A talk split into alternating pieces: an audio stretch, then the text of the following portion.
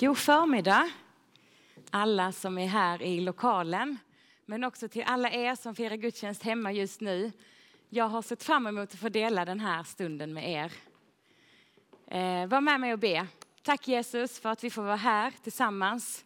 Vi är tillsammans fastän att vi är långt ifrån varandra rent fysiskt, så är vi enade i dig. Du är vår pappa och vi är dina barn. Och det är det första och största vi kan få vara. Det är dina barn. Du omsluter oss Jesus allihopa där vi är just nu. Och nu ber vi Jesus frimodigt om en stund där vi får blicka in i det som du vill säga till oss. Vi får blicka in i himlen. Vi vill Jesus den här stunden få se lite mer av vem du är. Vi vill den här stunden Jesus frimodigt få lov att tro att du har någonting att säga till oss så att vi kan få komma nära dig just nu. Så jag ber om en välsignad fortsättning på den här gudstjänsten. I ditt namn Jesus. Amen. Ja, men dagens texter är Johannes eh, döparen, den helige Johannes döparen, den högstes profet. Och temat som vi har satt här i FS Ängelholm, det är att vara obekväm. Och jag tror att vi kommer kunna hitta en del likheter däremellan.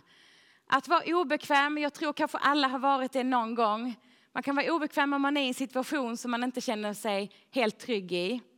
Eh, där man inte har kontroll, där jag måste gå utanför mina gränser, min comfort zone. Då känner jag mig obekväm.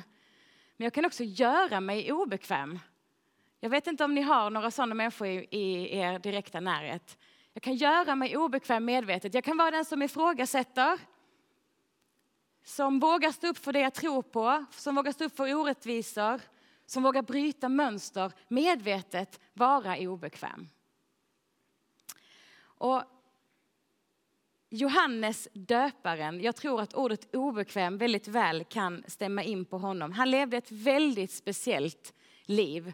Han är son till Sakarias och Elisabet eh, som har levt hela sina liv utan att få barn, vilket var en väldigt skam på den tiden. De är gamla nu när vi får möta dem och de har inga barn. Sakarias han tjänstgör i kyrkan, i templet och får veta genom en ängel att de ska få ett barn, en son. Och Sakarias han, han blir liksom inte överlycklig precis, han blir inte det. Utan han tänker att ah, det här vet jag faktiskt inte riktigt om jag, kan det här verkligen stämma? Han tvivlar på detta. Och i den stunden så blir han stum i nio månader tills dess att Johannes kommer till dem. Han blir stum i nio månader. Så när han har varit med om det här stora, att ängeln har mött honom och berättat att han äntligen ska bli far. Han har väntat i hela sitt vuxna liv för att få bli en pappa. Nu blir han stum i nio månader.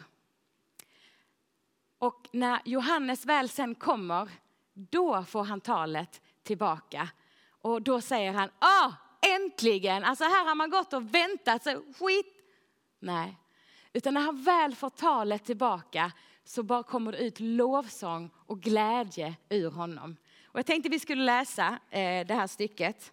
Och det står i Lukas eh, kapitel 1. Så står det om när Johannes han eh, kommer till världen. Men för Elisabet var tiden inne att föda och hon födde en son. Hennes grannar och släktingar fick höra vilken stor barmhärtighet Herren hade visat henne och de gladde sig med henne. På åttonde dagen kom de för att omskära pojken och de ville kalla honom Sakarias efter hans far. Men då sa hans mor, nej, han ska heta Johannes. Men de sa till henne, nej men det finns ingen i din släkt som bär det namnet. Och så gjorde de tecken åt fadern att, att, att han skulle låta dem veta vad barnet skulle kallas. Och han bad om en skrivtavla. Han kunde inte prata ju. Och så skrev han Johannes är hans namn. Och alla förvånade sig. Och med en gång löstes hans läppar och hans tunga och han talade och prisade Gud. Alla de kringboende greps av fruktan och överallt i Judén, Judéns bergsbygd så talade man om detta som hade hänt. Och alla som hörde det lade på minnet och frågade sig, vad ska det inte bli av detta barn? Ty Herrens hand var med honom. Hans far Sakarias fylldes av helig ande och talade profetiska ord. Och nu kommer hans underbara lovsång efter nio månaders tystnad. Välsignad är Herren, Israels Gud, som besöker sitt folk och ger det frihet. Han reser för oss frälsningens horn i sin tjänare Davids släkt, så som han för länge sedan har lovat genom sina heliga profeter. Frälsning från våra fiender och alla som hatar oss. Han visar barmhärtighet mot våra fäder och står fast vid sitt heliga förbund. Den ed han svor vår fader Abraham att rycka oss ur våra fienders hand och låta oss tjäna honom utan fruktan. Rena och rättfärdiga inför honom i alla våra dagar. Och du, mitt barn, ska kallas den Högstes profet. Ty du ska gå före Herren och bana väg för honom. Så ska hans folk få veta att frälsningen är här med förlåtelse för deras synder genom vår Guds barmhärtighet och mildhet.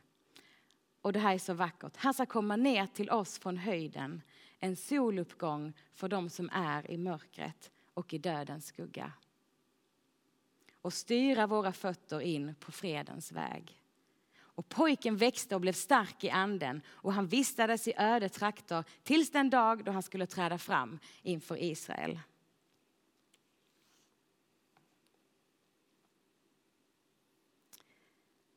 Johannes han skulle alltså vara, bli en profet. Och det har funnits profeter tidigare i, i historien. Men vet ni vad, när detta sker, när Johannes kommer och blir en profet, då är det 400 år sedan den senaste profeten levde. 400 år har det kristna folket, Guds folk, undrat, eh, hallå, vad händer nu? Vad ska vi göra Gud? Vad är på G? Var tar vi vägen? Det har varit en tystnad i 400 år. Och här är två tidsaspekter som jag tycker är lite spännande att tänka. Nio månaders stumhet. Vi har levt i social distansering i några månader och, och vi klagar redan, i alla fall jag. 400 år av tystnad från Gud. Och ändå kan Sakarias uttrycka att Gud, du är trofast, du följer oss, du ger oss din vishet. Och de har litat på den senaste profeten som levde, vilket var Malaki. Och Malaki har sagt att ja, men det ska komma någon som ska bana väg. Och det har de bara sagt, ja men vad bra, då litar vi på det. 400 år senare. Och det är att förtrösta på Gud. De väntade och litade på det de hade hört. Och jag tänker, hur gör vi? Hur gör du och jag? När Gud är tyst en längre tid, vad gör vi då? Hur står vi ut? När börjar tvivlet komma hos oss? Hallå Gud, nu har jag inte hört något på länge. Eller står vi fasta under lång tid här i församlingen utan genombrott? Vi vet inte riktigt, vi famlar men vi står fasta. Hur länge står vi ut? När börjar tvivlet komma? Men hallå, vi, vi, vi, varför händer det ingenting? Varför gör vi inte mer? Vi skulle ju satsa på villan, vad hände med det? Ibland är det som att när vi räknar sekunder så räknar Gud minuter. Och när vi räknar dagar så räknar Gud månader. Och när vi räknar år, då räknar Gud sekler. Vi vill här och nu. Jag vill här och nu. Men med snabba lösningar, jag vill se resultat direkt. Jag vill hoppa över förberedelsetiden. Och så glömmer vi att mänsklig mognad, det tar tid. Men ett genomgående tema i Bibeln det är att Gud har koll. Helt enligt sin egen tidtabell. Och kanske är det så att vi är med här nu och gör saker som man får se frukten av om hundra år. Och det är lika mycket värt då. Lika mycket värt. Det fostrar oss i tro och tillit. Men vi vill så gärna hoppa över förberedelsefasen och bara agera, göra något och så se vad som händer. I min vardag så jobbar jag som teckenspråkstolk. Så jag tolkar mellan talad svenska, som jag håller på med nu här förhoppningsvis, eh, och svensk teckenspråk. Och när behöver man en tolk? Jo, men det är när en hörande och en döv vill prata med varandra eh, och de inte kan varandras språk. Där kan jag eh, dyka upp. Och min vanliga, vanligaste vardagssituation i jobbet är att jag tolkar på utbildningar där det pluggar döva studenter tillsammans med hörande. Så jag åker till något av universiteten i, i, i Skåne och är med på föreläsningar, seminarier, grupparbeten och så vidare. Och så tolkar jag det som sägs, oftast från talad svenska till teckenspråk. Och då jobbar jag 100% med detta heltid, 40 timmar i veckan. Men jag tolkar inte fysiskt 40 timmar i veckan, för jag lägger nog halva min tid på att förbereda mig. Jag kan inte bara dyka upp fem minuter innan föreläsning och bara tjena, vad ska vi prata om idag? Ah, mikrobiologi på cellnivå, roligt. Ja, på engelska också. Då kör vi. Och så att jag bara ska kunna det där, alla termer, alla ord och förstå det utan att ha läst ett, en, en enda sida om det. Och sen kanske två timmar senare på eftermiddagen så är det historieföreläsning om eh, pestens tid från då till nu. Absolut, vad roligt, jag kan allt om det. Jag kör. Jag lägger väldigt stor tid av min, av min arbetstid på att förbereda mig. Jag kontaktar föreläsaren och säger, vad ska du prata om idag? Aha, okej. Okay. Jag läser på, så när jag kommer dit så kan jag göra ett bättre jobb. Jag vet lite vad som ska hända och min tolkning, mitt arbete blir bättre. Och det är det här med tiden, att förbereda sig och att var sak har sin tid. Och vi ska läsa i eh, Predikaren. Jag vet inte hur ofta du läser i den, men det är en spännande bok. Predikaren kapitel 3 så står det allt har sin tid. Som eh, rubrik. Allt har sin tid. Det finns en tid för allt som sker under himlen. En tid för födelse, en tid för död. En tid att plantera, en tid att rycka upp. En tid att dräpa, en tid att läka. En tid att riva ner, en tid att bygga upp. En tid att gråta, en tid att le. En tid att sörja, en tid att dansa. En tid att kasta stenar, en tid att samla stenar. En tid att ta i famn, en tid att avstå från famntag. Känns den aktuell? Det här snackar vi Bibeln som är så aktuell för oss. En tid att ta i famn. Det finns också en tid att avstå från famntag. En tid att skaffa, en tid att mista. En tid att spara, en tid att kasta. En tid att riva sönder, en tid att sy ihop. En tid att tiga, en tid att tala. En tid att älska, en tid att hata. En tid för krig och en tid för fred. Men vad får då den strävsamme ut av all sin möda? Jag har sett vilket arbete Gud har lagt på människan. Allt vad Gud har gjort är skönt i rätta stunden. Han låter människor urskilja ett sammanhang men aldrig kan de fatta Guds verk från början till slut. Gud har sin tid och vi förstår inte alltid den. Vi vill snabba på den. Men Gud har koll på tiden och på våra liv enligt sin tidtabell. Alla tider innebär förberedelse på något sätt och det är inget vi ska se ner på. Förberedelse och väntan. Och vi är med nu och påverkar så att Guds rike kan få bli större och större framöver. Vi är med nu och påverkar så att Guds rike kan få breda ut sig.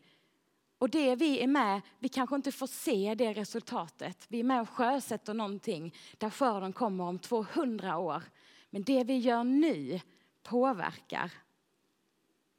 Alla böner vi ber, vi ska inte tro för en enda sekund att detta betyder då är det oviktigt vad jag gör.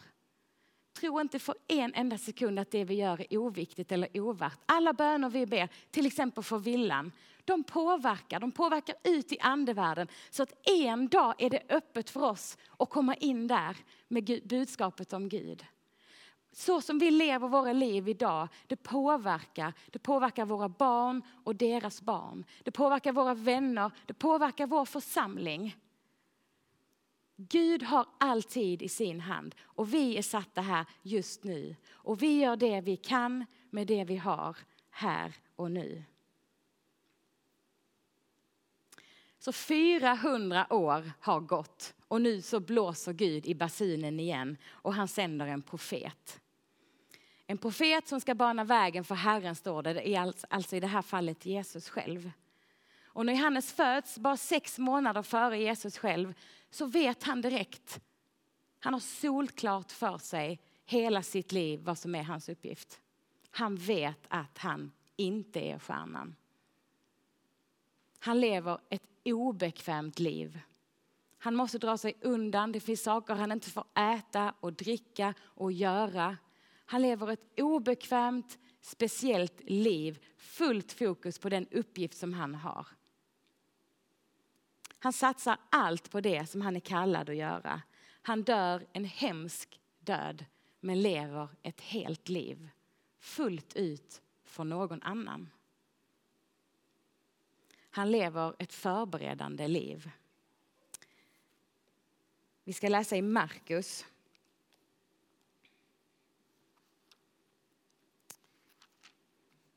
I första kapitlet så säger Johannes så här. Första kapitlet, vers 7 läser jag ifrån. ifrån. Eh, Efter mig kommer den som är starkare än jag och jag är inte värdig att böja mig ner och knyta upp hans sandalremmar. Jag har döpt er med vatten, han ska döpa er med heligande.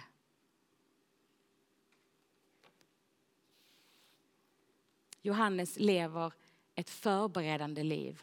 Hur lever du och jag våra liv? Vem lever vi för och vad förbereder du dig för i ditt liv?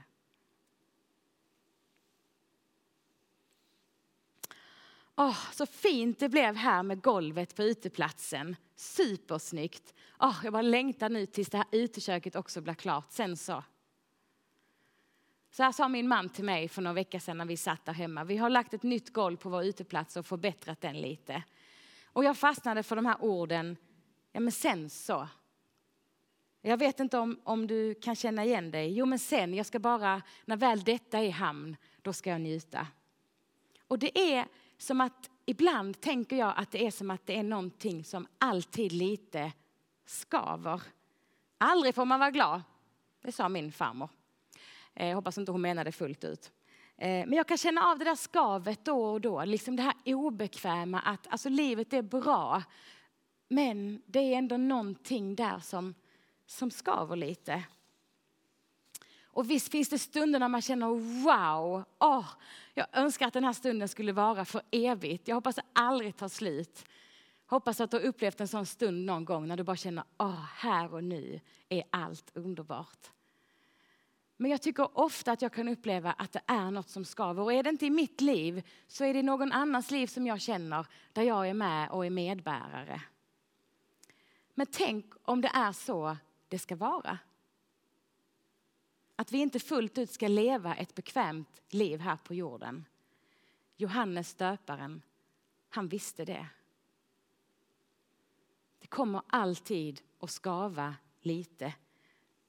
Ibland så kan man höra människor som har flytt till Sverige som är otroligt tacksamma för att ha kommit hit till ett land där det är fred, till ett land där man kan få en egen, en egen bostad. De lär sig språket, man får jobb, nya vänner och livet blir så mycket bättre. Och så kan de säga, ja men det är jättebra, men det, det är inte som hemma. Men det är bra.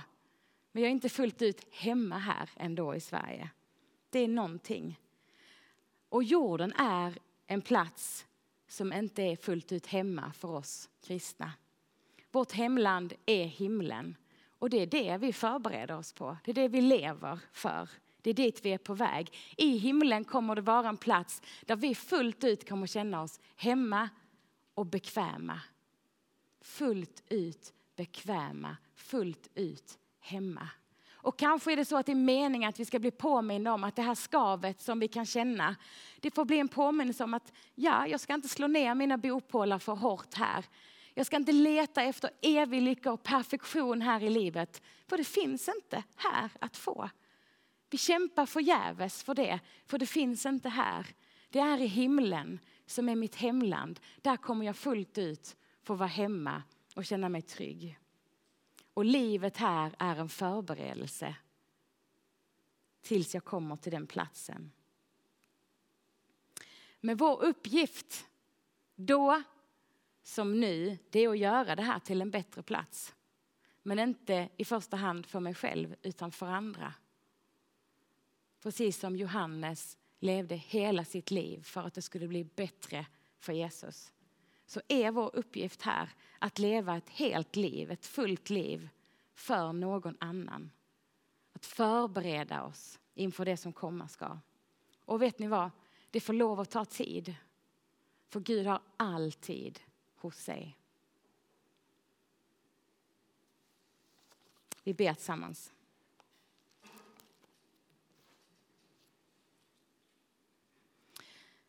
Jesus, tack för att vi får ta fasta på ordet som vi fått läsa idag från Bibeln. Tack för att du vill lära oss saker varje dag. Tack för att du vill lära oss väntan. Att vi får vänta på dig, Jesus. Tack för att du vill lära oss att du är med, även fast det är tyst. Det kan gå långa, långa år, märker vi i Bibeln, och du är ändå med. Och sen plötsligt så sänder du någonting som blir så bra. Herre, hjälp oss att förstå det här med tiden. Att du har en annan tid, att du har hela tiden hos dig. Och vi får bara halmstrån av det ibland och så försöker vi göra ett sammanhang. Men tack för att du har hela tiden i din hand. Allt det som vi inte ser, det ser du. Allt det som vi inte vet, det vet du. Och allt som vi inte förstår, det förstår du.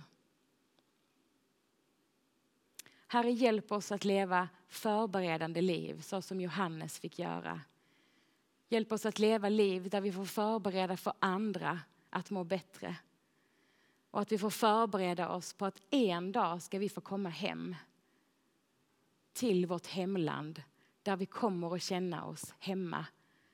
Där det obekväma försvinner och där vi får uppleva din fulla frid. Och Herre, på den vägen fram till den dagen så ber vi att du tar oss i handen och leder oss varje dag. Amen.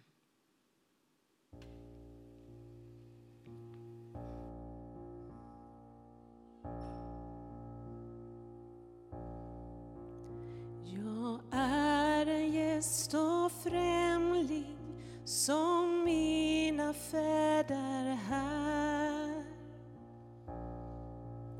Mitt hem är ej på jorden, nej ovan skyn det är. Där uppe bor min fader i härlighet och ljus. Där ville jag och vara ut i min faders hus. Hem, hem, mitt kära hem. Ej finns en plats på jorden så skön som du mitt hem. Där uppe bor min Jesus, min frälsare så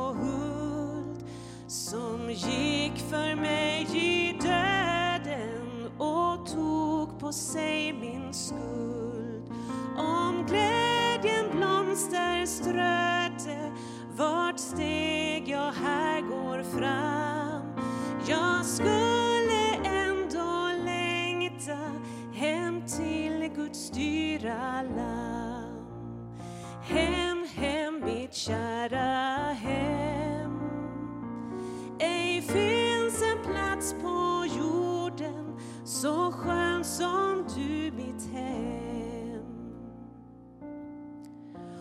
Och snart så ordet säger jag skall och hinna dig.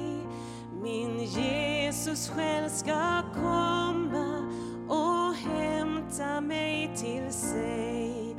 Då skall jag salig skåda vad här jag trodde på och till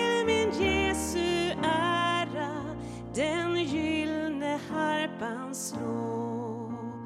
Hem, hem, mitt kära hem.